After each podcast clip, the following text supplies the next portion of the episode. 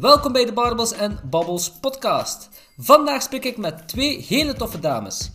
Marta en Johanna Kleiman zijn twee dames met Poolse roots die naar België kwamen en starten van niets. Ze leerden de taal en gingen daar resoluut voor voedingsleer.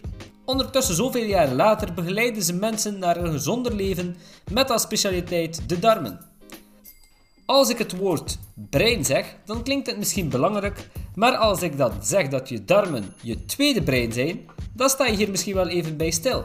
Verwacht jullie dus vandaag maar aan een shitload of information en ik hou je niet langer in spanning. Here we go!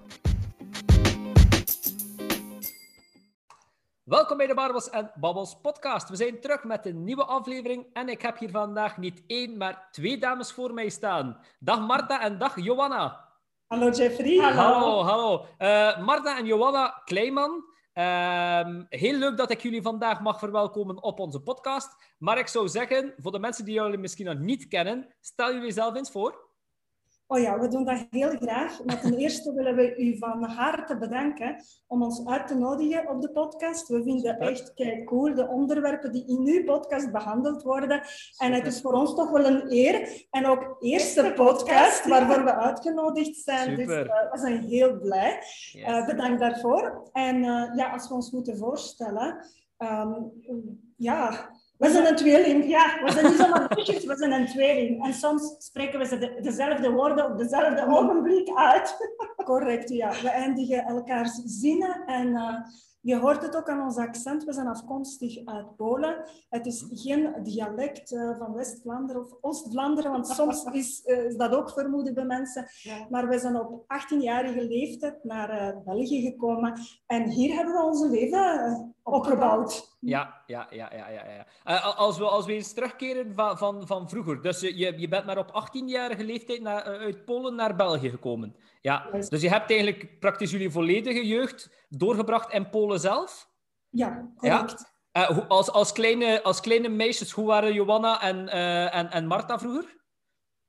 Ja, hoe waren wij?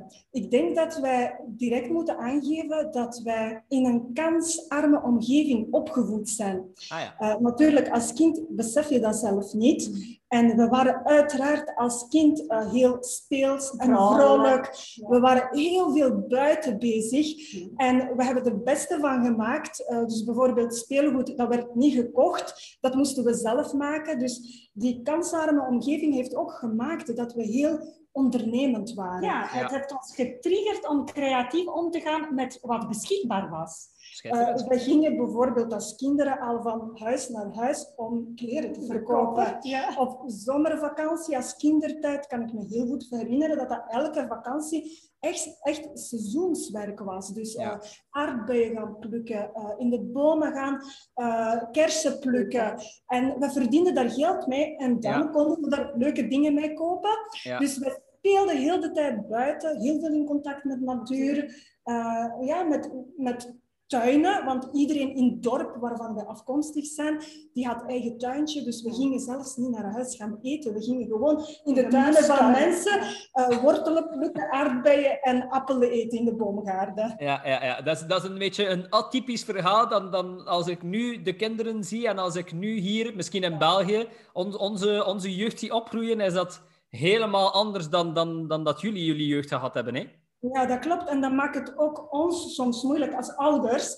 Want je weet welke meerwaarde natuurlijk dat dat heeft, die contact met natuur. En je wilt hetzelfde aan de kinderen geven. Ja. Maar ergens vinden we toch wel dat we de plaats mogen geven aan dat computergebeuren, aan dat te vernieuwde techniek. Want we houden er eigenlijk wel van. Ja. Maar soms wringt het wel een beetje als ouder naar je kinderen toe. Uh, we zouden dat ook aan hun willen wensen, die contact met de natuur. Ja, ja, ja, ja. Hadden jullie buiten het... Uh, als ik het zo mag noemen, ravotten en, en, en buiten spelen. Hadden jullie daar nog hobby's, nog interesses?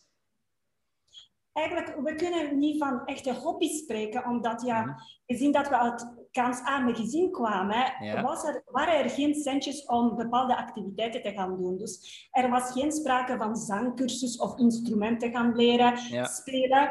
Uh, ja, er waren wel opportuniteiten, gelijk als een danscursus gaan volgen, die een uh, mevrouw van een uh, godsdienstles gaf. Ja. of een pingpongcursus gaan volgen. Of even een korte cursus van breakdansen. Maar dat waren zo opportuniteiten die we altijd met twee handen vastnamen en we deden er het beste mee. Dus we amuseerden ons wel, maar heel uitgesproken interesses waren er niet. Nu, ik moet wel zeggen dat we van kleins af aan wel betrokken zijn geweest bij de voedingsgebeuren.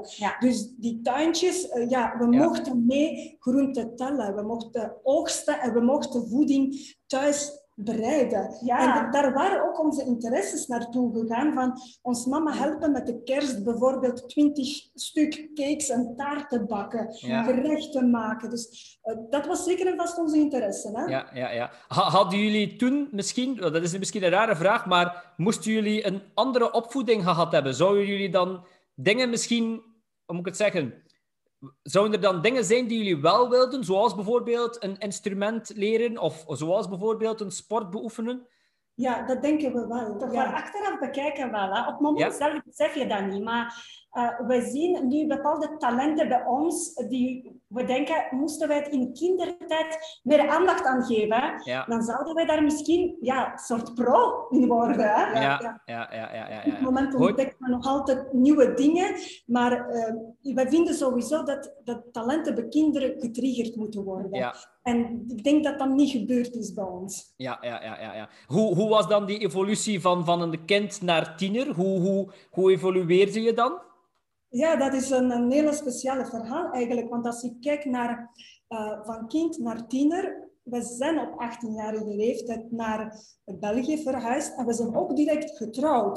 Dus we zijn heel snel volwassenen geworden. Je kan alvast spreken van overgang van kind naar volwassene bijna. Mhm. Want als tiener, we hebben niet echt uh, puberteit meegemaakt. En daardoor weten we niet exact van, ja, waar, waar is die periode naartoe? Hè? Maar dat heeft het dat heeft ook mee te maken dat we uit een grote gezin komen met vijf kinderen. En dat we eigenlijk geleerd werden door onze ouders om voor elkaar te leren zorgen. Ja. Uh, we droegen ook kleren van onze oudere zus. Ja. Ehm, uh, ja.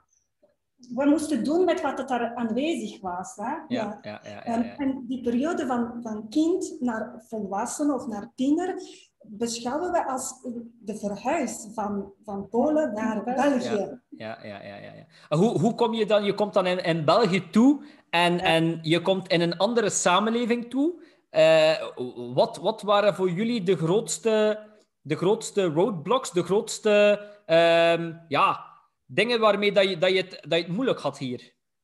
Ja, weet je, in onze omgeving zagen we steeds ouders uh, van onze vrienden die naar het buitenland emigreerden, naar de VS, Amerika, naar Duitsland, naar andere landen, om achter die materiële te gaan jagen, achter centjes, omdat het niet zo goed ging in Polen met economie. Dus we hadden altijd zo'n idee van, ah, dat is precies zo'n organisch vervolg van groot worden, volwassen worden. Ja. Misschien gaan we ook ooit naar het buitenland. En die verhaal was altijd heel uh, aanwezig, aanwezig bij ons. Ja.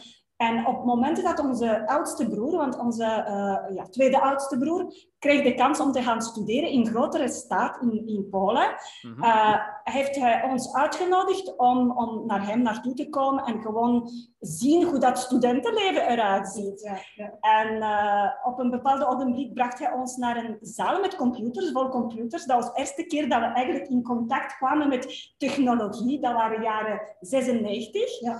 Uh, en dan zegt hij, ja, dat is een eerste applicatie. Je kunt chatten met iemand van de hele wereld. Je kunt gewoon kiezen. Ja. En dat hebben we ook gedaan. En zo ben ik me, uh, toen mijn uh, toenmalige man leren kennen. Via een ah, chatapplicatie. Ja. ja. Op, op, een, op een computer in, in 1996. Op een computer in 1996 heb je je man leren kennen online al. Ja, ja, ik, denk, ik, denk dat je een van de enigste bent die dat ooit zal verwezenlijkt hebben. Ja, dat is echt allereerste, denk ik, dat was onze eerste contact met de computers, want op school was dat nog niet. In ja. middelbare hadden we wel informatica. Uh, dat was de eerste les waar we computers zagen, maar dat was dus echt uh, klikken en, en zien wie dat er aan de andere kant van de computer zit. Maar wat je nu vertelt is het verhaal hoe dat we naar België zijn, uh, in België zijn terechtgekomen. Maar u vroeg van, ja, wat, was, wat waren de grootste roadblocks als jullie van Polen naar België ja, zijn het, de verschillen. De verschillen. Ja, ik denk de contrast inderdaad was enorm. En we spreken eigenlijk graag over uh, programmering. Ja. wij geloven namelijk daarin dat wij als ouders onze kinderen programmeren en dat wij ook geprogrammeerd zijn geweest door onze ouders en ook zij door hun ouders. Er wordt heel veel doorgegeven van, uh, uh, van generatie naar generatie. En uh, we hadden een programmering in Polen. En van zodra dat we verhuisd zijn naar België, moesten we een update van de software doen. Ja. de computer moet resetten en opnieuw ja. een nieuwe programma opladen. Ja, natuurlijk zijn we alles in België geweest op vakantie, dus we hebben wel een beetje idee gehad van waar zullen we terechtkomen. De beslissing was ook niet zo gemakkelijk om te zeggen na ons middelbare verhuizen we naar België en gaan we direct trouwen. Daar hebben we ook wel goed over nagedacht. Mm -hmm. maar um, we hebben veel nieuwe dingen sowieso leren kennen in België. En zeker en vast vanuit de kansarme omgeving komen in kansrijke omgeving. En we spreken niet alleen over de materiële, financiële kant, maar echt kansen krijgen. We waren gewoon sowieso van kansen te zien en met twee handen pakken en er het beste van maken. Mhm. Dus hier waren er heel veel kansen, wat ons eigenlijk moeilijk heeft gemaakt van ja, wat gaan we nu doen? Er is zoveel mogelijk, er is zoveel ja. keuze. Ja. En ja, de eerste keuze was natuurlijk van, ja, wat gaan we studeren? Wat gaan we studeren? Want we waren net van de middelbare school af. En we wisten gewoon sowieso, we willen verder gaan leren. En gelukkig zijn we bij familie terechtgekomen in België, waar, uh, waar we die vrijheid krijgen natuurlijk. Ja, ja, ja, We waren heel blij dat die kansen uh, aangeboden werden. jullie, jullie hebben dan dus kunnen ga gaan studeren, maar jullie wisten nog altijd, of jullie kenden nog altijd de taal, je waren, je waren nog altijd de taal niet machtig, Nederlands, of wel? Nee, we waren absoluut Nederlandse ja. taal niet machtig. Ja, okay. Wist je dat er Nederlands in België bestond? ja, ja dus, dus jullie moeten dan eerst de taal leren, want nu spreken jullie de taal beide heel vloeiend. Jullie hebben dat accentje, maar jullie kunnen jullie volledig uitdrukken in het Nederlands. Um, de, hoe, hoe, hoe, dat is natuurlijk ook een stap. Hè? Ik zie dat ook veel bij mensen die ik, die ik ken uit mijn, uit mijn omgeving. Een, een nieuwe taal leren. Jullie waren natuurlijk nog niet zo heel oud. Hè? 18 jaar is, is nog altijd jong. Maar hoe, hoe was die ervaring om, om, om een vriendentaal? We hebben, we hebben dat nooit als blokkade ervaren. Dat, was, dat was vanzelfsprekend dat we de taal zouden leren. En we zijn in juni naar België gekomen, denk ik 14 juni of zo. En de 26e waren, zaten we al op school, de ILT in Leuven, intensieve taalkursus Frans en daarna Nederlands. En wij hebben van school Engels ja. gedaan ook. Hè? Ja. ja. en we hebben sowieso de eerste jaar de eerste uh, jaar de tijd genomen om de taal goed te leren. Maar hoe dat we dat aangepakt hebben, is avondonderwijs. In een groep die in Leuven, drie keer per week, of was dat twee keer, dat weet ik niet meer. Dat was avondonderwijs. Overdag zijn we gaan werken via interimbureaus op verschillende plekken. En dat is de beste taalschool dat je kunt doen. Hè? Uh, jullie zaten niet stil. Jullie zaten niet stil als ik zo hoor. We waren ook jong en ambitieus. En ja. uh, we, ging, ja, we wouden nog zoveel. Hè? We waren echt jong en uh, het leven stond aan onze voeten, zeg maar. Tuurlijk, tuurlijk, tuurlijk, tuurlijk. En, en, en je gaat dan gaan studeren. Was dat al in de richting waar jullie nu zitten, dat je dan gaat studeren? Eigenlijk wel. Dat is ook een hele speciale verhaal dat wij ten eerste niet wisten wat we zouden gaan studeren, net omwille van, van die taalbeperking. Uh, we zaten dus uh, in de opleiding voeding en dieetkunde, want dat is de, de, beslissing, daar is beslissing opgevallen. En we wisten niet eens wat het woordje vermenigvuldigen betekende. Ja. Dus je ziet in de les van wiskunde, daar wordt over gesproken. En natuurlijk, je leert vanuit de context. En dat is hoe dat we eigenlijk taal geleerd hebben. Gewoon drop iemand in, in die vreemde taal en ja, je zit in een bad van woorden en je, ja. je gewoon zelf afleiden wat welke woord betekent. Hè? Ja. Maar uh, ik moet zeggen dat Johanna hier een voorhef heeft genomen voor wat de opleiding betreft, hè, de keuze. Ja.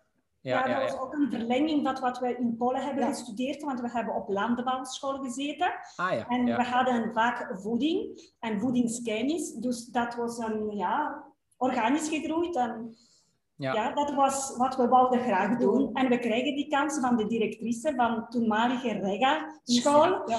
Uh, mevrouw Verdonk, uh, heel toffe mevrouw, we zijn nog altijd heel dankbaar. Mm um, en we hebben studies met grote onderscheiding beëindigd. Heel veel studenten leenden onze notas, omdat we die zo goed maakten. Ja, ja, ja, ja, ja. Nog altijd met veel fouten, maar toch heel correct. Dus dat was wel leuk om te zien, ja jullie hebben jullie volledig gestort op die, op die cursus. En, en jullie, jullie gaan dan die cursus helemaal goed, als ik het zo hoor, en, en met, met, met grote onderscheiding of, of whatever, gaan, gaan, uh, gaan vervolledigen.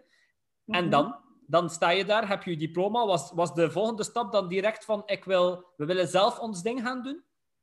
Oh ja, nee, nee direct, niet direct. Ja. Ik denk dat we meer leefden in overtuiging van ja, je moet eerst je opleiding hebben, diploma en, dan, en dan ga je werken in jouw beroep. En dat is ook wat we gedaan hebben. Ja, ik ben direct in het beroep van diëtiste terechtgekomen. Dat was toen bij Wonenzorgcentrum, waar ik in de grootkeuken stond. En ik mocht zowel in de grootkeuken werken, dus echt dieetmaaltijden voor 120 man voorbereiden, maar ook die dieetkant, die theoretische kant uitwerken, mensen consulteren, uh, dieetuitleg geven. Dat was een uh, deeltijd betrekking en dat vond ik niet zo leuk, want als jonge persoon wil je gewoon voltijds werken en veel centjes verdienen. Maar dat was niet het geval. Ik kreeg die kans niet om voltijds daar te werken te gaan. Dus ik ben eigenlijk heel opportunistisch, want ik moet zeggen dat dat een heel belangrijke woord in ons leven, in onze beginjaren is geweest, dat we alles heel opportunistisch gedaan hebben. Mm. Niet echt heel bewuste keuzes gemaakt, maar eerder keuzes die lijken verstandig. Ja. Die intuïtie die volgden we niet echt. We wisten niet zo goed wat intuïtie was. Hmm. Ehm, maar toen heb ik dus weer opportunistisch de kans gekregen om te gaan werken als administratieve bediende uh, in Antwerpen. Dat was in Mortsel, bij goederenvervoer per spoor. Daar waren connecties ook met Polen, dus die konden ook een kennis Pools gebruiken. Maar toen ben ik dus heel lang uit de wereld van voeding uitgestapt. En Johanna is helemaal niet aan de slag gegaan als nee, diëtiste. Ik heb nooit eigenlijk als diëtiste gewerkt. Ja. Uh, ik ben ook opportunistisch uh, ja. ja. die levenspad genomen en ben ik gaan werken bij medische bedrijven die hartkleppen verkochten. Ja. en daarna heb ik ook een, aan examens gedaan van, bij de Europese instellingen om daar een job te krijgen, waar ik nog altijd werk bij de Europese Commissie. Ik ben administratieve bediende. Ja. Uh, en ja, daarnaast werk ik ook. Marta is mijn tweede baas. Ja. al mijn vrije tijd en al mijn energie gaat uh, in de business dat we samen hebben. Ja, ja. en, en, en je, je vertelt dus dat je, dat je, je hebt dan eerst die, die eerste job en je durft eigenlijk niet echt zo jullie volledig gooien in die, in die tweede richting. Hoe, hoe komt dat? Is dat omdat je de zekerheid wou van ik wil een, een goed inkomen, ik wil een, een, een, een, een leven kunnen leiden en ik durf mij niet direct in, die, in, die, in dat leven gooien? Ja, ik denk dat we als jonge meisjes ons ook niet zelfzeker voelden ah, om direct de stap te zetten naar zelfstandigen. Ja. Totaal niet, daar was geen sprake van. Nee, nee, nee. Ja, ja, ja. En hoe, hoe kwam dan dus de Kleiman Food and Mind Expert, als je, als je dat dan, dat is jullie, uh, jullie dus Food and Mind, hoe kwam die dan tot stand? Op welk moment heb je dan gezegd van, oké, kom Johanna en uh, Marta tegen Johanna, kom, we gaan de handen in elkaar slaan en we gaan hier een project opzetten. Wanneer kwam die, die stap dan? Uh, we vinden het geweldig dat we het concept Kleiman 2 in leven hebben geroepen, want het heeft een hele grote missie, vooral om mensen te te helpen. Want wij hadden zelf hulp nodig op bepaalde momenten. Ja. Zoals we er net vertelden, waren we heel ambitieus. We wilden heel veel bereiken, maar wij hebben nooit onze intuïtie gevolgd en nooit eigenlijk naar ons lichaam geluisterd. Gewoon in die retrace van de leven gewoon blijven doorgaan. Uh, huisje, tuintje, uh, bompje, zoals ze zeggen. En op een bepaald moment zaten we er met ons twee in een wachtzaal van UZ Leuven om vermoedelijk diagnose te krijgen van fibromyalgie of chronisch vermoeidheidssyndroom. Ja. Dus eigenlijk vanuit eigen pijn en op zoek gaan naar oplossingen, want we krijgen die oplossingen niet aangereikt vanuit de klassieke geneeskunde, zijn we zelf op zoek gegaan uh, naar manieren om onszelf te genezen. En zo zijn we op darmmicrobiom uitgekomen. En ja, de geweldige wereld is open gegaan. En we zijn teruggezond. Er is geen sprake meer van klachten. we luisteren naar eigen intuïtie en we zorgen vooral elke dag voor ons darmmicrobiome. En, en, en hoe komt het, denk je, dat je met de klassieke... Uh, want ik denk wel dat je daar redelijk veel tests hebt moeten doen om, om te weten wat er, wat er, wat er mis was. Uh, hoe komt het dan, denk je, dat de klassieke hulp, eerste hulp, jullie niet heeft kunnen helpen daarbij? Ja, je moet ook weten dat we een hele marathon van hulpverleners hebben afgelopen. Hè? Ja. Met, uh, wat je tegenwoordig heel vaak hoort van mensen, ik ben al overal geweest en niets helpt. Dat was ook onze geval. Hè? Ja. Je start dan bij klassiek huisarts en die zegt, ja, ga maar naar kinesist, want we hadden ook heel veel uh, fysieke klachten, spier, gewrichtspijn, migraines. Uh, ja, kinesist is niet goed genoeg, dan ga je naar osteopaat. Van osteopaat ga je naar chiropractor. Dus je gaat alsmaar verder en verder en verder. En je merkt dat niks helpt. En um, in heel die moeilijke periode die we meegemaakt hebben, en door op zoek te gaan naar oplossingen, zijn we te weten gekomen dat klassieke geneeskunde zich meer focust op symptomenbestrijding. Hmm. Zo heb ik jaren aan een stuk histamin, uh, histaminica gekregen om de um, reactie van mijn lichaam op stress, uh, welke zich uitte op manier van netelroos, om die te onderdrukken. Dus ja. van zodra dat ik stopte met medicatie, kwam die netelroos terug. Ja. Uh, maar het was heel vervelend, want als ik stop met medicatie, dan word ik wakker met, met de hoofd die opgeblazen was als een ballon. Ja. En ik was zelfs niet in staat om uh, tijdelijk borstvoeding aan mijn kinderen te mogen geven, omdat uh, ik medicatie moest nemen en die melk moest weggegooid worden. Ja. Dus ehm, de klassieke geneeskunde heeft ons niet geholpen en Um, we zijn sowieso verliefd op de functional medicine vanuit uh, Amerika. Ja. Uh, gelukkig is dat ook naar België gekomen, want ja. KPNI, Klinisch Psychoneuroimmunologisch Instituut, is met functional medicine bezig. Ja. We waren echt uh, van ons melk, als we dat te weten kwamen, dat Leo Pruimbom in België de opleiding geeft. Um, en ja, alles wordt gewoon duidelijk. Je kan niet naar mens kijken als die een pijn heeft in zijn maag. We gaan maagzuur, maagzuurremmer voorschrijven. Ja. Je moet verder gaan kijken dan alleen orgaan zelf, want alles staat in verbinding met alles. Tuurlijk. Ja, en ik denk, ik denk dat dat ergens, ik, ik, ik hoop en ik voel ook dat de generaties die er nu aankomen, daarvan bewust zijn, door wij die hier samen zitten, door jullie die jullie Instagram-account hebben, door vele mensen die er daarmee bezig zijn. En eigenlijk de mensen gratis en voor niets gaan, gaan informeren daarover. Maar ik denk de generatie die vroeger zit, die zijn nog altijd bezig met hun huisarts. En als ze iets hebben, gaan ze naar de huisarts. En ze krijgen dan inderdaad iets die hun... Uh, ze hebben bijvoorbeeld een ontsteking en die ontsteking uh, remmer die gaat die ontsteking wel gaan wegdoen, maar je voelt dan eigenlijk niet, maar het probleem zit er nog altijd. Wanneer dat ze stoppen, is dat daar terug. En wat de mensen niet weten, of wat de mensen soms niet kan schelen, is dat die medicijnen vaak ook negatieve invloeden hebben. Ja? Ze hebben negatieve neveneffecten voor lever, voor maag. En dat is natuurlijk het spijtige eraan. En wanneer dat je dan alles in een rijtje gaat gaan zetten, komt het allemaal terug neer op de medicijnen uh, industrie die gewoon zijn geld wil verdienen en die nog altijd groot en machtig is, denk ik. Ja, ja. En ja. ons plank is inderdaad gevallen toen nog uh, in die wachtzaal van UZ Leuven. Ja. Dat artsen ons niet gaan helpen. Dat wij de verantwoordelijkheid moesten nemen over onze eigen gezondheid. En toen uh, zeiden wij, wij stoppen met medicatie, wij gaan verder gaan zoeken. Uh, daardoor ben ik mij gaan inschrijven in de opleiding gezondheidscoach. We ja. waren toen al doodziek, maar toch heb ik nog altijd ergens kracht gevonden om ja. avondlessen te gaan volgen. En daar ben ik in aanmerking gekomen met darmmicrobiome. We hebben onze ja.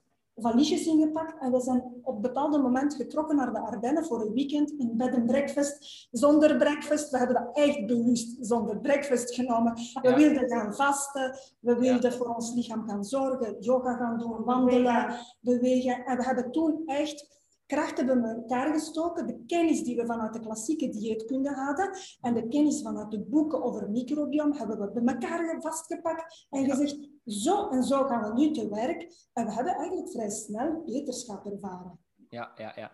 Nu, wil ik het over dat microbiome hebben. Microbiome wordt ook vaak tweede hersenen genoemd. Dat is ook met een, met, een, met een reden dat ze dat de tweede hersenen noemen. Maar er zijn zeker mensen die gaan luisteren naar de podcast die het microbiome niet kennen. Alhoewel dat het meer en meer in de, in de media wordt gegooid en meer en meer belangrijk wordt. Dames, wat is ons microbiome? Ja, microbiom, eigenlijk, ja, we moeten hier even onderscheid maken tussen microbiom en darmmicrobiom. Want microbiom is het leven, het zijn micro-organismen, dus kleine beestjes, levende beestjes, die eigenlijk overal aanwezig zijn. Want bacteriën zijn overal aanwezig. We ademen ze in, we eten ze op, ze zitten op onze huid, onder onze oogstels, ze zijn overal. Zelfs op groente en fruit. En we maken daar gebruik van, ook, voor het fermentatieproces. Dus bacteriën zijn er overal. Het volledige wereld van de micro-organismen is microbiom. Wij spreken graag van een mondmicrobiom, van de longmicrobiom, darmmicrobiom, omdat dat andere organen zijn en daar ga je ook andere soorten bacteriën terugvinden. Mm Darmmicrobiom is eigenlijk een vergeten orgaan, maar het is een wondere wereld van de micro-organismen. En dat is heel bijzonder, want darmmicrobiom wordt vandaag gezien als een aparte orgaan waar zonder we niet zouden kunnen overleven. En wij hebben dat in opleiding van voeding en dieetkunde in het jaar 2003 nooit van gehoord.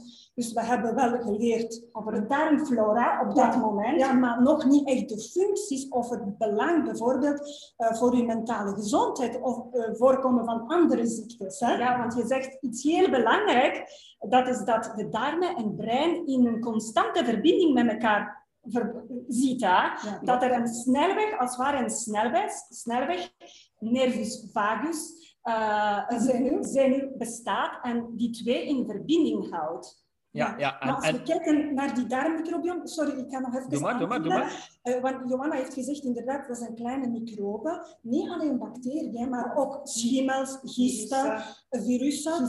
En je vindt die bacteriën, zoals je zei, op ons huid bijvoorbeeld, in de lucht. Maar die wonen ook in onze spijsverteringsstelsel. En afhankelijk van waar van de plaats waar dat je ziet, is dat nu mond of zijn dat nu darmen, dunne of dikke darm, zullen er andere soorten, groepen, families van bacteriën voorkomen.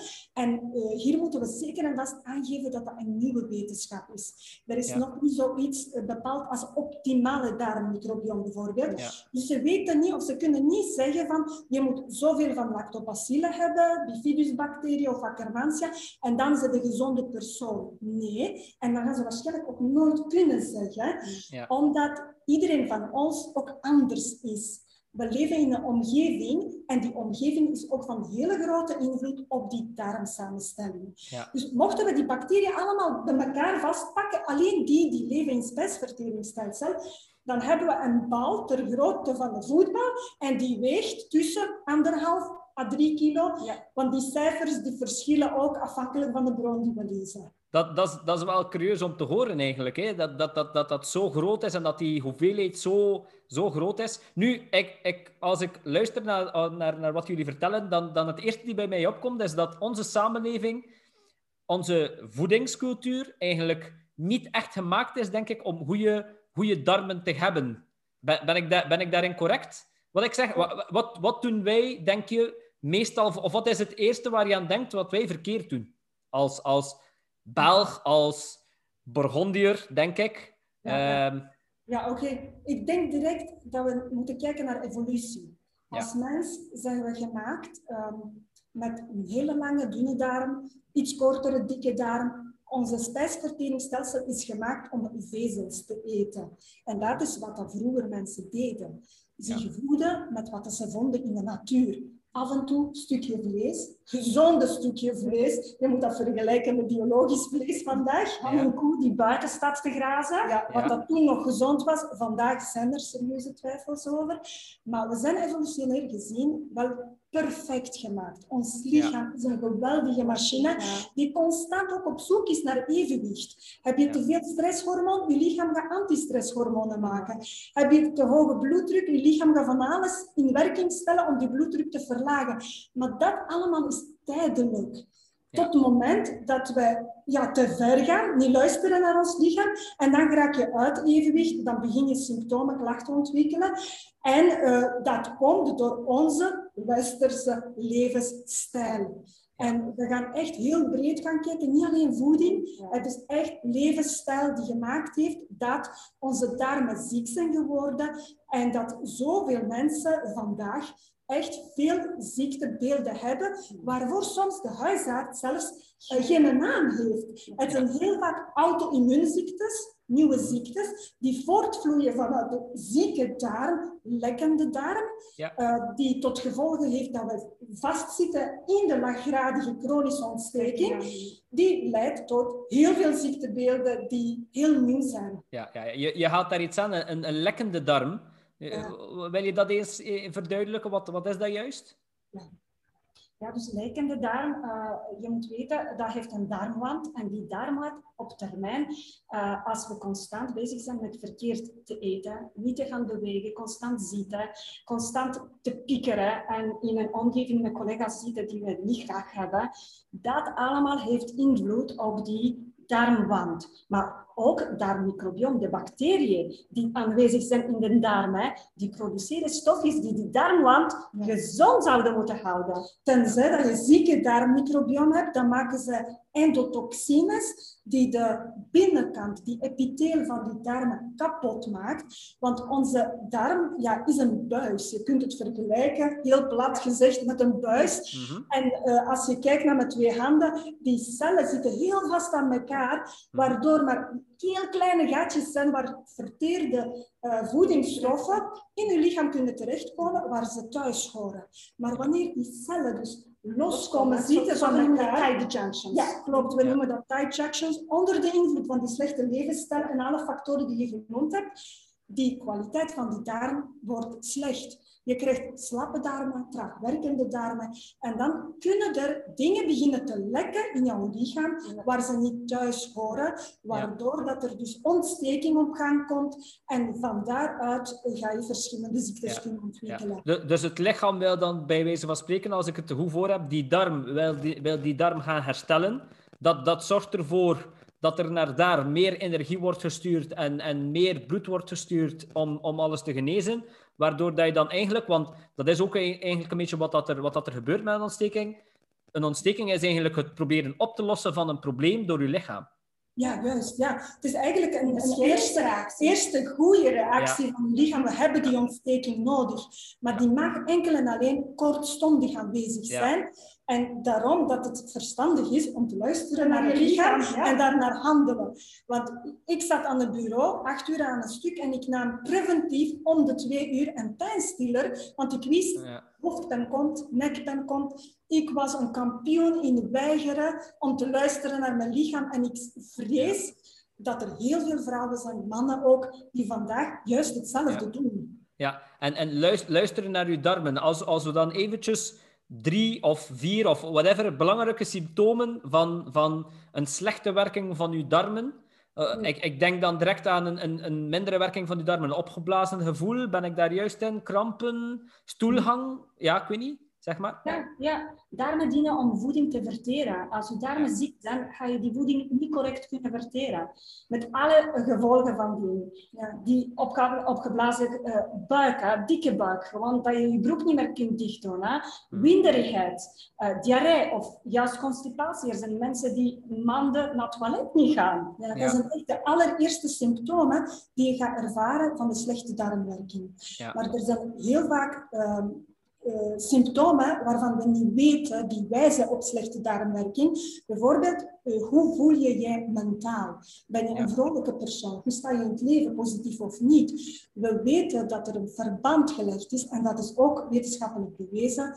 Uh, ons onderzoeker Jeroen Raas, verbonden aan de Universiteit Leuven en VUB, is eigenlijk autoriteit op het uh, gebied van onderzoek naar darmmicrobiom, heeft alvast kunnen uh, in de Science Nature tijdschrift kunnen publiceren dat er verband is tussen de samenstelling van je darmflora, dus welke stammenbacteriën er leven, en jouw mentale gezondheid. Ja. Dus we willen altijd teruggaan naar de darmen voel je je niet goed, ben je slecht gezien. En er zijn al psychologen bijvoorbeeld, of psychiaters, die er wel aandacht aan schenken, gelukkig, die zeggen, we moeten gaan kijken naar die darmen. Hoe ziet die darmflora? Want dat heeft toch een grote verband in hoe dat mensen zich voelen. Dus zeker en vast, eerste symptomen zijn de, de symptomen die voortvloeien vanuit het spijsverteringsstelsel. Mhm. Uiteraard, kijken in het toilet is belangrijk. Hoe is je stoelgang? Ja. dat is misschien... Bruin. ja, dat is een, misschien niet zo gemakkelijk onderwerp. Mensen praten er niet gemakkelijk over. En onze missie is eigenlijk om dat toegankelijker te maken. Dat mensen daar wel over durven praten. En durven in het toilet zelfs kijken. Want vaak is dat gewoon flashen en weggaan. Um, maar ja, je moet kijken naar die stoelgang. Welke vorm heeft het? Welke geur heeft het? Welke kleur heeft het? Want dit is de eerste zichtbare feedback, feedback van je lichaam op uh, je darmflora. Of dat die gezond is of niet. Ja, ja, ja. Moet je dan van dicht gaan kijken? Of is het beter ook? Kan je, kan je ook van ver uh, al al zien of het oké is. Een gezonde stoelgang zou niet mogen stinken. Ja. ik zal niet zeggen dat stoelgang een aangename geur heeft, maar ja. die zou niet mogen stinken. Dus je kunt zelfs van dichterbij gaan bekijken. Dat, dat, dat, is, dat is wel een, een, goede, een, goede, een goede aanbeveling. Dus, dus een gezonde stoelgang mag, mag eigenlijk niet stinken. Dat is, dat is wel iets... Want allee, de meeste mensen gaan ervan onderuit. Ze gaan naar het toilet en ze doen de deur dicht en ze doen de deur weer open. En oh, ik, ik moet naar het toilet gaan. En het is, uh... Maar eigenlijk is dat dan omdat er toch iets mis is met de darmen. Als de, als de stoelhang zo stinkt. Het is, het is ook de eerste keer dat ik op de podcast zit te praten over uh, stoelhang die stinkt. Ah, maar... Dat had ik kunnen vermoeden. Hè? Ja, ja, ja, natuurlijk. Dat kan, dat kan ik wel uh, ja, geweten hebben eigenlijk. goed, um, ik, was, ben nu mijn vraag natuurlijk kwijt. Wat ik ging zeggen. Ah, um, wij willen altijd met de mensen, of hier, of ik wil altijd aan de mensen op de podcast tips geven. Ja? Hoe kan je heel simpel en, en gemakkelijk en toegankelijk aan het werk gaan met je darmen? Of bewust worden wat, er verkeerd, wat je verkeerd doet met je darmen. Ja, bewust worden wat je verkeerd doet en hoe dat je die darmwerking kan verbeteren. Hè? Dat is toch uw ja, ja, ja, ja, ja, Wat we ondertussen doen is een, uh, een lader insteken in de computer, omdat die nu gaat platlopen. Ja, niet, niet platlopen, nee dames. Ik heb je nog even nodig. Nee, We gaan eventjes hier verschuiven. Als je, ik ga dit naar hier schuiven, zodat je aan de stopcontact kunt. Dus we gaan even onderbreken als dat mag. Doe maar. Dit is real life, hè, mensen. Dit, dit, dit, dit, dit, gebeurt, hè. Uh, we zitten hier in de studio. Dat is Barrels en Babbels, hè. Dat... Voilà, we kunnen eraan. We voilà, hebben voilà. Yes. Juice en we kunnen terug babbelen.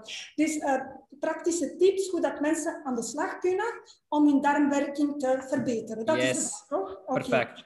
Uh, voeding speelt een enorme rol in die darmwerking. Ja. Want afhankelijk van de voeding die je eet, ga je bepaalde darmmicrobiome creëren. We mhm. weten alvast dat na twee dagen anders te gaan eten, dat wil zeggen gezonder of minder gezond, dat dat van invloed is op de samenstelling van je darmflora. Ja. Uh, dus wanneer je begint volwaardig te eten, we spreken eigenlijk niet graag over gezond eten, omdat mensen daar aversie tegen hebben. Mensen zijn allergisch op woordje gezond eten. Ze denken dan dat ze konijnenvoer moeten gaan eten, dat ja. dat geld kost, dat ze naar organische of biologische winkels gaan moeten gaan. Ja. Daarom geven we ook heel graag direct ook definitie van gezond eten. Gezond hmm. eten is voor ons volwaardig eten. Dat betekent dat dat eten is dat wij terug in de natuur kunnen vinden, waar uh, die voeding niet van voedingsstoffen ontdaan wordt. Ja. We eten graag volwaardige voeding, waar vetten aanwezig zijn, waar kwaliteitsvolle eiwitten aanwezig zijn en voeding waar geen toegevoegde suiker aan toegevoegd, ja, aangedaan wordt. Ja. Dus gezonde voeding is volwaardige voeding. En dan tips voor wat betreft voeding zelf is mm -hmm. heel veel variëren. Ja. Heel veel, want uh, gezonde, 120 voedingsmiddelen per week. Per week. Want hoe diverser de darmflora, dat hebben we nog niet gezond, hoe gezonder dat je bent. Dus die optimale darmflora, we weten niet wat dat is, gezonde darmflora, maar we weten wel dat hoe diverser, hoe meer bacteriën, stammen en aantallen, hoe gezonder je bent. Ja, eigenlijk hoe, hoe, hoe meer dat je je darmen gaat gaan triggeren, hoe sterker ze worden. Uh, nee, nee, eigenlijk ik weet niet wat je bedoelt met daarmee triggeren. Ja, de, uh, uh, verschillende dingen en verschillende bacteriën geven en verschillende Is, is, is ja, we moeten dat zo zien, Jeffrey. Je hebt bacteriën in je buik en die bacteriën moeten gevoed worden om te ah, kunnen leven. Ja, ja, dus wij spreken eigenlijk over probiotica en prebiotica. Hm. Als je gefermenteerde voeding gaat eten, dan ga je probiotica en prebiotica eten. Probiotica zijn namelijk levende micro-organismen die je kan terugvinden in een capsuletje dat je bij de apotheker vindt. Maar mhm. even goed, we maken die zelf in de gefermenteerde voeding. En dan ga je eigenlijk extra boost geven aan jouw darmen, omdat er nieuwe micro-organismen binnenkomen. Ja. Maar we hebben altijd wel een darmflora. Daar leven micro-organismen in, in ons buik. En afhankelijk van de voeding die we hun te eten geven, ga je de goede bacteriën voeden of slechte bacteriën voeden. We spreken graag van goede rikken en slechte rikken. Ja. En we willen echt heel graag dat mensen meer van de goede rikken in de darmen hebben dan slechte rikken. Want als die evenwicht uh, niet juist is, dan spreken we van dysbiose. En door levende culturen uh, bacteriën in te nemen door de voeding, maar ook vezelrijke voeding te eten, ga je ervoor zorgen dat er meer van de goede rikken in je darmen gaan ja, ja, dus, dus goed variëren in voeding. Heb je nog tips? Ja, dus volwaardige voeding, geen kant-en-klare, pure voeding van geen mager. Ja. Liefst zonder etiket. Ja. ja. Of als je toch een product hebt met etiket, lees de ingrediëntenlijst. Ja. En als er iets op staat dat je niet begrijpt, moet je het niet meenemen. Echt niet. Dus volwaardige, heel uh, uh, afwisselend, gevarieerd. Ja. Mm -hmm. En derde is eigenlijk zoveel mogelijk toevoegen. Ja. Echt, um, we willen weg vanuit dat uitsluiten maatschappij, die dieetcultuur die ons zegt, of de overtuiging in algemeen van mensen, als ik gezond wil zijn, dan moet, ik, moet ik, van alles, ja, dan moet ik op dieet, moet ik van alles laten vallen. Wij zullen zeggen, nee, dat is eerder mindset gerelateerde type, maar heel belangrijk, durf je overtuigingen in vraag stellen. Wat je vandaag vindt over voeding, is dat juist? Is eten omdat dat in de winkel, in winkel te kopen is, is dat wel gezond? We ja. durven vandaag zeggen van niet. Zelfs 80% van voeding dat je terugvindt in de supermarkt is vandaag niet durven we gewoon niet, niet geen voeding, voeding te noemen. Ja, Dat, is iets, dat is iets dat in fabriek is gemaakt, dat de verschillende stoffen bij elkaar gegooid worden om die een voedingsblitz te creëren om mensen verslaafd te maken aan de voeding. Ja. combinatie van vet, van suiker, zout en zuur maakt dat mensen verslaafd worden aan die voedingsmiddelen. Ja. Dus dat toevoegen gaat helpen om nieuwe voedingsmiddelen te leren kennen. En uiteraard, dan zodra dat je meer van het goede gaat toevoegen, is er geen ruimte voor slechte. Je leert ook goede voeding appreciëren, je leert die nieuwe smaken. Dat is eigenlijk een ontdekkingsreis. Mensen durven soms geen havermout eten, horen wij in de praktijk, omdat ze denken dat ze, ja, dat ze graan haver aan het eten zijn. Dat is voer voor, voor paarden. Hè? Maar zodra ze dat proeven en durven herhalen en herhalen, leren ze dat eten. Ja. Ja. Hoe, hoe lang duurt het als je, als je op een gezonde manier, als, je, als ik vandaag zeg van, maar ik eet nu wel redelijk gezond, maar pak nu, ik heb veel klachten en ik, en ik ben, ik ben uh, darmwise niet, niet echt oké. Hoe lang duurt het als ik, als ik begin met jullie drie tips, tegen dat ik wat um, resultaat zie? Is dat direct of, of is dat toch een periode dat je je darmen moet geven?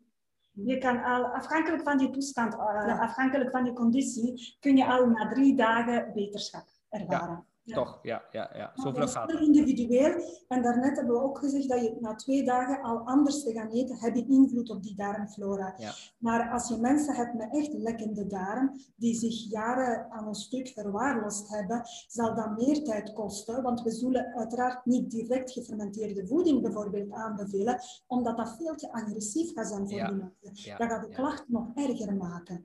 Dus uh, het is voor iedereen heel individueel, maar je kan heel snel resultaten boeken. Ja, ja, ja. Die, die gefermenteerde voeding waarover je het had, vind ik ook wel iets, iets speciaals. Dat, dat, is, dat was, als ik op jullie Instagram uh, botste, was dat de eerste keer dat ik dat zag. Ik, ik zag u daar zo staan met een, met een pot en er zat daar zo van alles en, en, en nog wat in.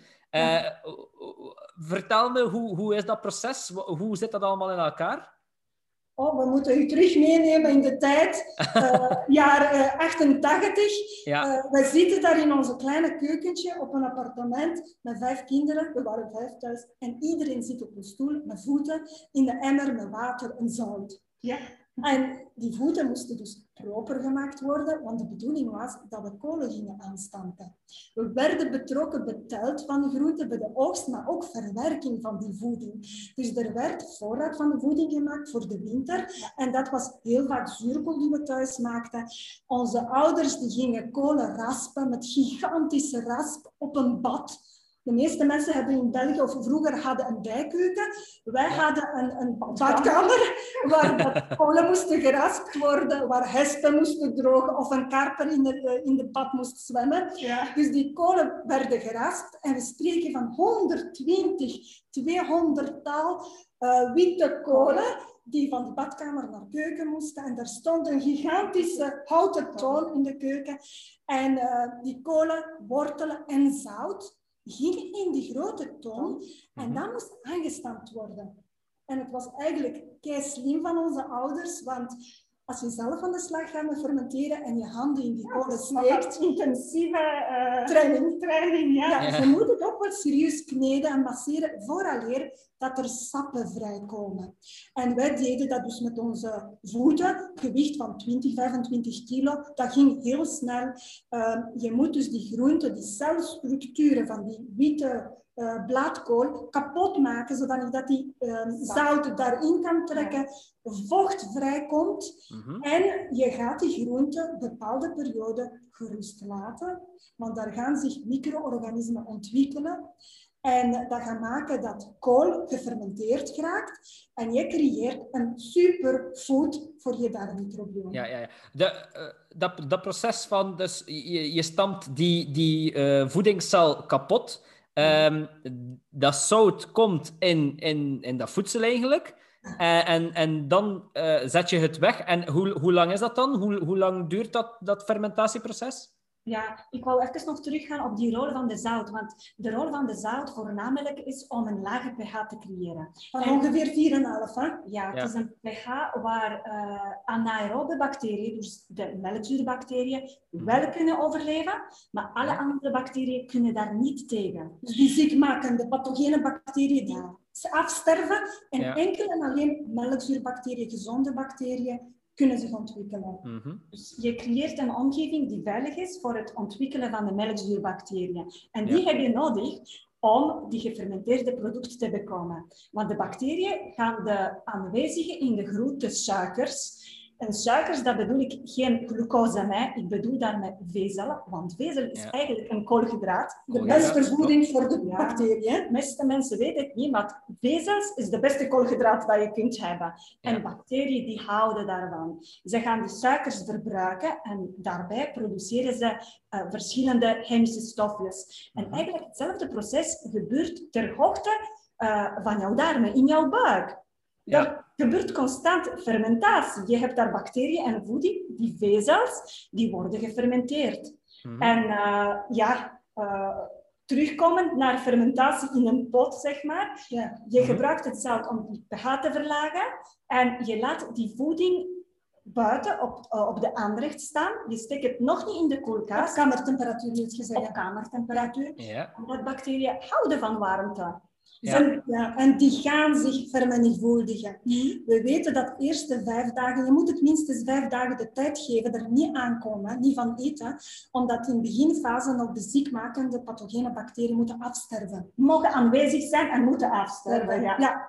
Uh, dus we geven de kans, vijf, zeven dagen, voordat melkzuurbacterie tot ontwikkeling komt. En wat zo boeiend is dus aan... Uh, eh, gefermenteerde voeding is dat die melkzuurbacteriën zich gaan vermenigvuldigen. Je creëert er een, een gigantische boom van melkzuurbacteriën die heel goed zijn voor onze darm, darmen. Uh, en uh, die zijn heel divers en heel, er zijn er heel veel aantallen al bezig. Ja. Uh, dus na vijf dagen mag je het open doen en beginnen eten.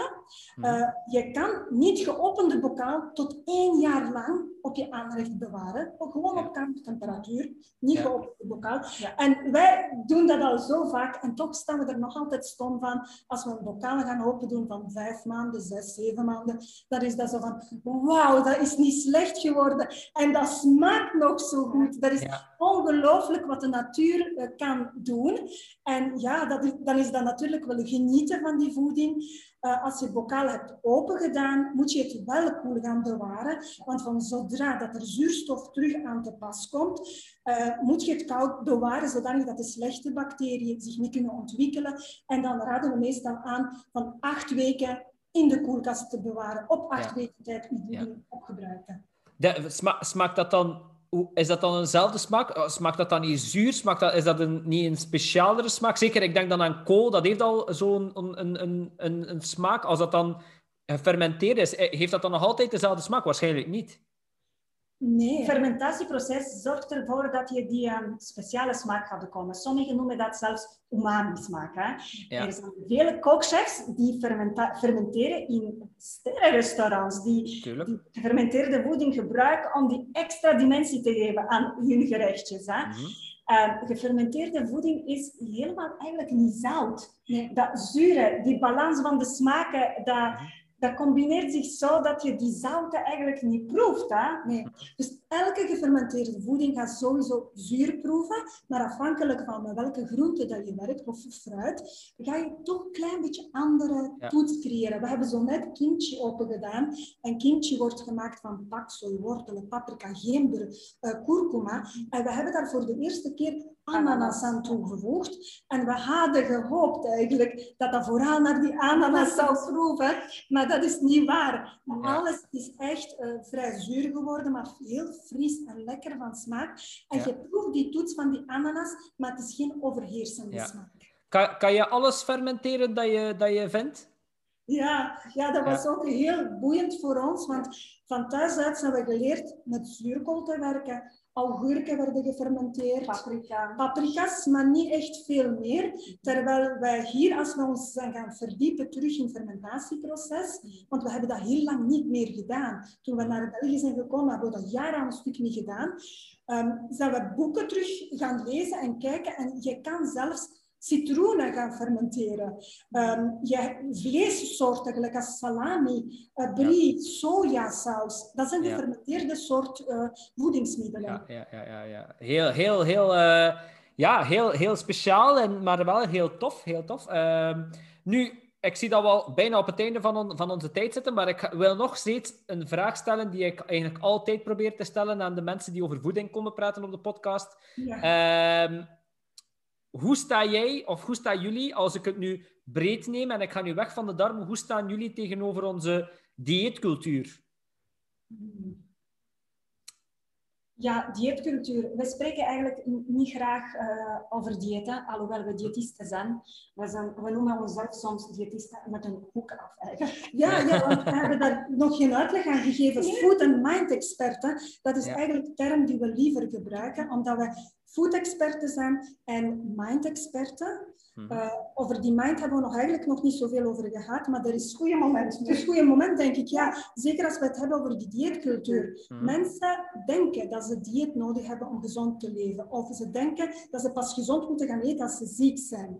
We ja. spreken niet graag over diëten, we spreken graag over voedingspatroon of levensstijl. Omdat we dat altijd breder moeten zien dan alleen voeding. Dus ja. als we over dieet praten, dan is daar is wel een recht van bestaan voor diëten, voor mensen die bepaalde pathologieën hebben. Ja. Mensen met type 2 diabetes hebben bepaalde voorschriften nodig en die vind je terug in de diabetes type 2 uh, dieet.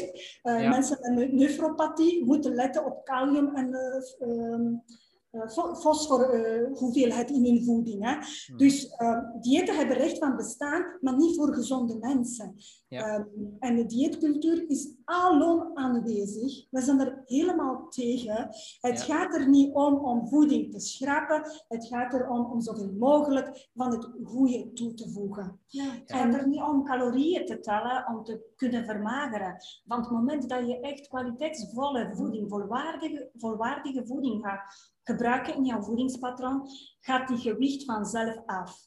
Ja, ja, ja, ja. ja. En, en, als we dan, want als ik nu een beetje denk aan de dieetcultuur en, en aan onze, aan onze uh, levensstijlen en, en de, de veranderingen die de mensen willen maken, als ik dan denk, je mag geen um, whatever schrappen van, micro, van macro's, um, maar ik denk dan bijvoorbeeld aan intermittent fasting. Hoe staan jullie daar tegenover? Want die is nu wel hip natuurlijk. Hè? De laatste tijd, eh, als je tien mensen naast elkaar zet, dan gaan er zeven zijn die uh, aan het intermittent fasten zijn. Hè?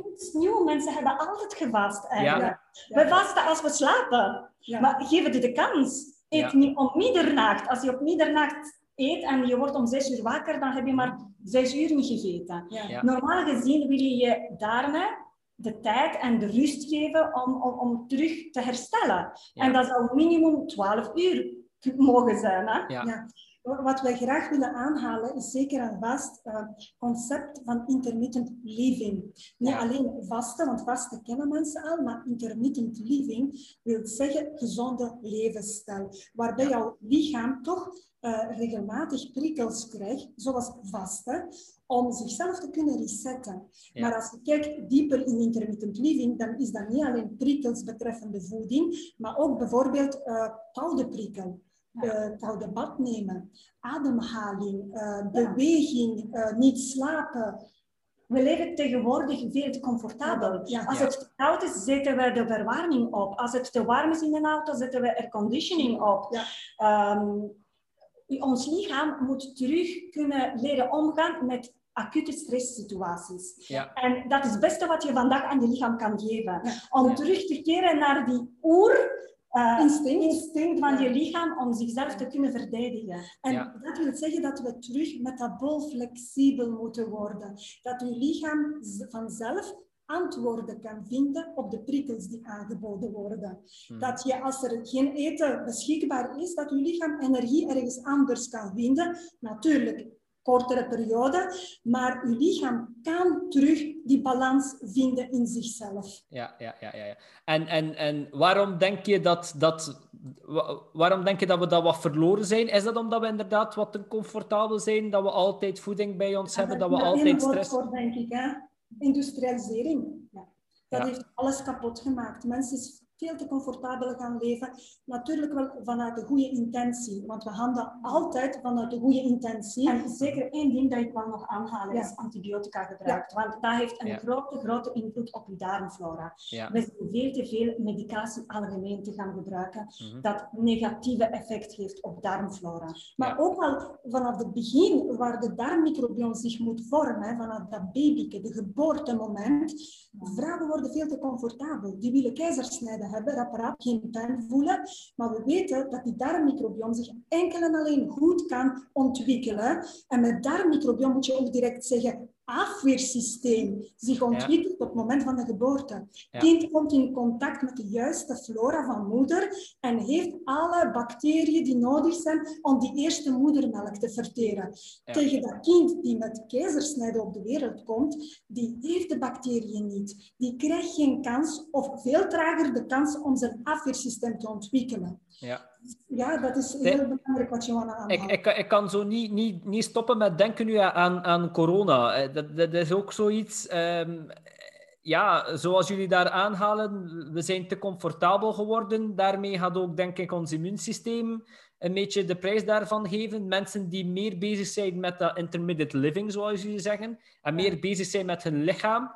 Ja, het, het, is, het is bewezen, maar ze willen het wat stilhouden, denk ik, omdat ze weten dat ze daar verkeerd zitten. Maar ja, ik denk mensen die verkeerd bezig zijn met hun lichaam, zijn toch veel vatbaarder voor het virus, voor het virus ook op een zwaardere manier te trappen, dan mensen die wel bezig zijn met hun lichaam. Ja, en gelukkig wordt dat ook gecommuniceerd, dat mensen met overgewicht meer kans hebben om corona op te lopen. En het gaat niet alleen over overgewicht, het gaat over ziek zijn, ontsteking hebben. Mensen die niet goed voor zichzelf zorgen, natuurlijk, die afweersysteem werkt niet goed. En als je geen goede leger van bacteriën hebt, kun je niet vechten tegen die vreemde indringer. Ja. Dus wij, sinds dat we zorgen voor onze darmmicrobiom, we merken dat als we ziek worden, want we worden af en toe nog ziek, maar veel minder. Een abonnement bij huisarts, ik weet niet waar dat die woont nog, maar als we nog ziek worden, is dat op twee dagen opgelost. Je wordt ziek en je geneest gewoon veel sneller. Je lichaam is, is krachtiger, kan zich sneller herstellen. Dus um, het wordt gelukkig over gesproken dat gezonde mensen minder snel ziek worden, maar er zit natuurlijk een hele voedingsindustrie en farma-industrie achter, waardoor dat die concept heel traag op gang komt. wij willen uiteindelijk een deel uitmaken uh, uit de preventieve gezondheidszorg.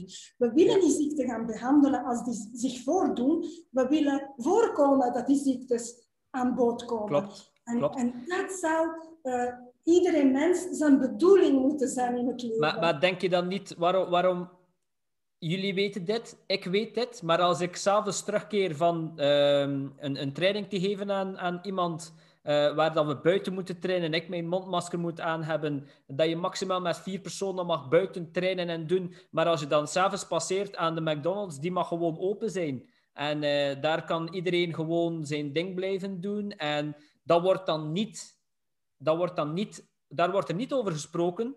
Uh, maar, maar al hetgeen wat goed is voor ons, wordt ons wel, ons sociaal contact wordt ons wel afgenomen. Dus uh, waar, waar, waarom denk je dan dat, dat er wordt erover gesproken, maar er wordt niets aan gedaan? Hè? Ja, dat is inderdaad heel verkeerd om dat op die manier aan te pakken. En ik denk dat we ja, naar politiek moeten gaan om daar, uh, daartegen te strijden. Ja. Maar spijtig genoeg zijn ze niet echt gericht op preventieve gezondheidszorg. En ze moeten altijd gaan kijken op het gehele, op ja. de hele bevolkingsgroep, niet maar enkel alleen een individu. Ja. Terwijl we inderdaad die individu willen aanspreken, want het is die individu die iets kan veranderen. Als ja. iedereen van ons aan zichzelf gaat beginnen denken en gaat stemmen met, met hun geld, met hun vork, met hun juiste ja. keuzes maken, ja. Dan, dan wordt de maatschappij ook beter. Maar hier komt weer terug die verkeerde programmering aan bod. Wij zijn gewoon om in comfortzone te leven. Het is ons voorgeschreven om inkopen te gaan doen in de supermarkt. Dus alles wat ik daar terugvind is goed. Ook al draag ik mondmasker, heb ik drie bakken bier mee naar huis. Voilà. En dat is een heel contrasterend beeld. En mensen zijn zich daar niet bewust van. Daarom dat we ook graag over food en mind expertise spreken. En de mind expertise betekent coaching. Mensen triggeren om daarover na te denken. Ja. Zeg man, je doet je mondmasker af om te kunnen roken. Vind ja. je dat niet raar? Of ja, ja dus kijk naar je kaar, wat is de inhoud daarvan? En je draagt de mondmasker. Ja. Mensen moeten daar getriggerd worden en eigen overtuigingen, programmering die ze gekregen hebben vanuit de maatschappij, in vraag gaan stellen om de verandering te kunnen teweegbrengen. Ja, ja, ja, ja, ja. klopt, klopt, klopt. Super, super. Uh, we zijn op het einde van onze podcast, maar ik eindig eigenlijk altijd met mijn bullet questions. Dat zijn vijf vragen voor jullie. Um, ja, ik ben benieuwd wat, wat er zal uitkomen. Jullie weten niet wat er komt, dus, uh, dus uh, we gaan rustig beginnen. Uh, okay. Mijn eerste vraag is voor jullie, dus jullie kunnen ze elk apart beantwoorden. heb je, en zo ja, wat zijn ze, ochtendrituelen? Oh ja. oh ja, dat is het mooiste moment van een dag. En eigenlijk, een morning ritual begint de nacht voordien. Ja. ja. De morning ritual begint met op tijd te gaan slapen. Ja? ja? Dus luisteren naar je lichaam. Als je moe bent, dat is ook normaal dat je lichaam moe wordt, omdat die hormonenhuishouding verandert. S'avonds is er geen licht niet meer. Nu verandert het een beetje. Ja. Maar je wordt moe, je lichaam wordt moe, je gaat slapen. We staan heel vroeg s morgens op, tussen vier en vijf uur s morgens. We mediteren en werken. Eigenlijk hebben we dezelfde ritme. Ja, ja, en uh, we gaan uh, nuchter, naar nuchter naar buiten bewegen. Minimum half uur gaan stappen. Uh, soms ook gaan joggen. Dat hangt af van de periode en van de goesting, zeg maar. En ja, terug naar huis komen.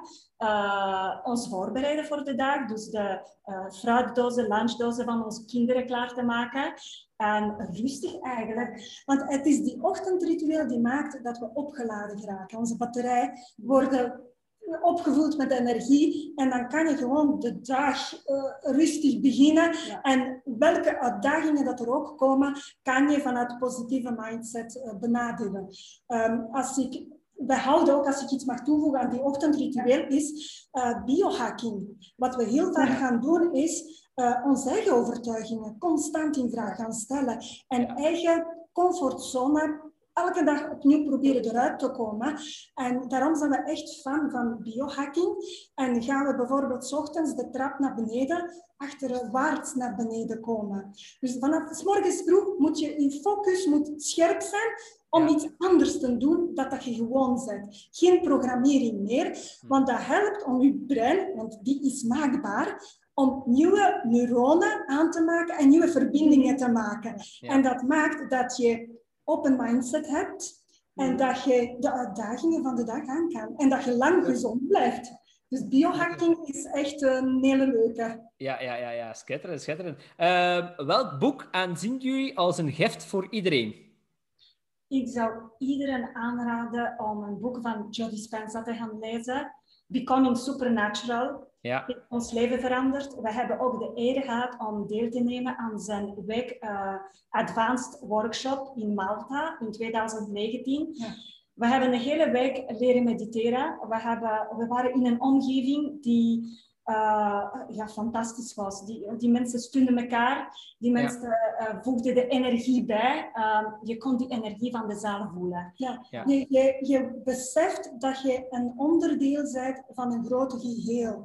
Dat wij niet egoïstische enkelingen zijn, maar dat we deel van een geheel uitmaken. En dat er energievelden zijn, universele wetten die de, de wereld regeren.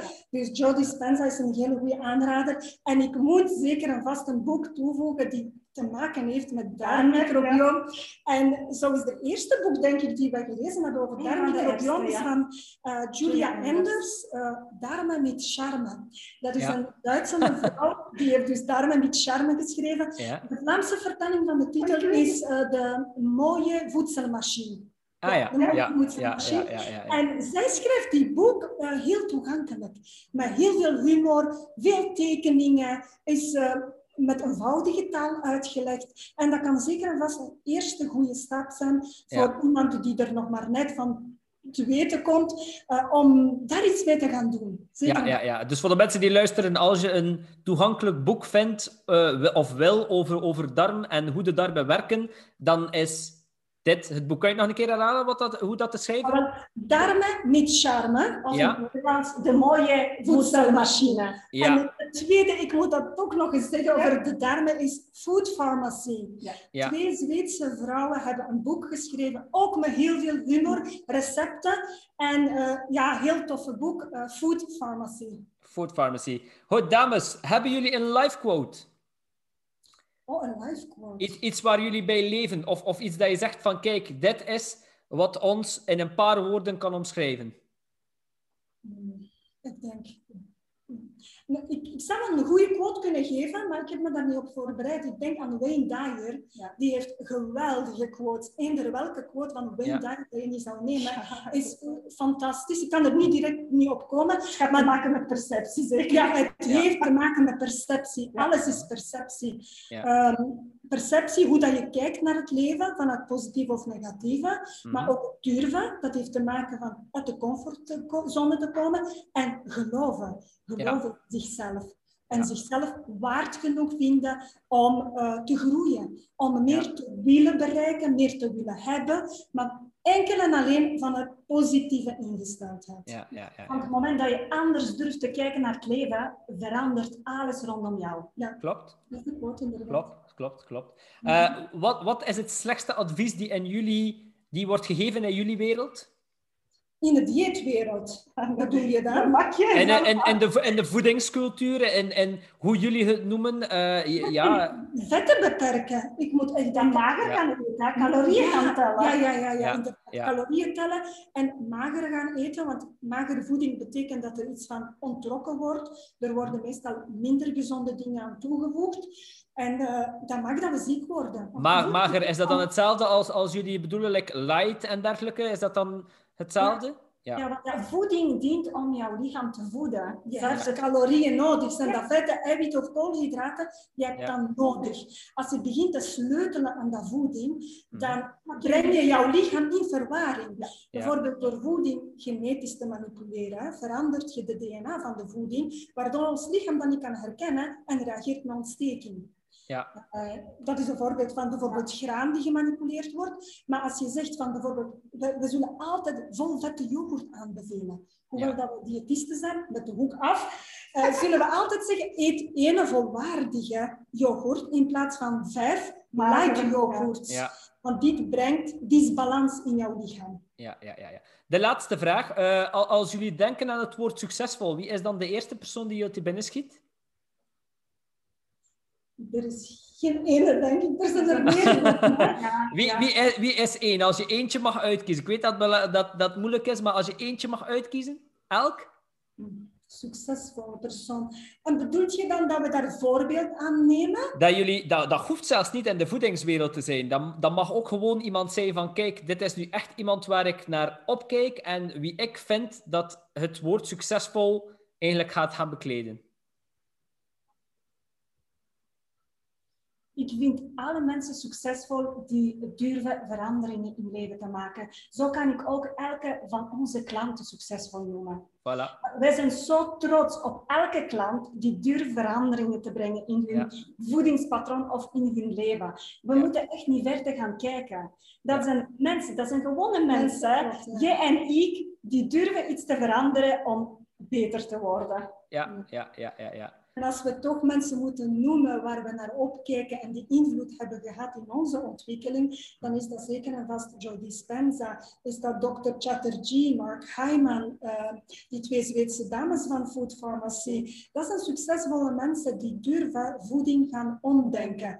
Uh, onze Vlaamse Pascal Nases, Servaas Beenge, die ja. durft boek schrijven als huisarts, nooit meer naar de dokter. Ja. Ik vind dat geweldig. Zeg, zeg, nog eens zijn naam, Marta. Ik vind wel dat je mooi...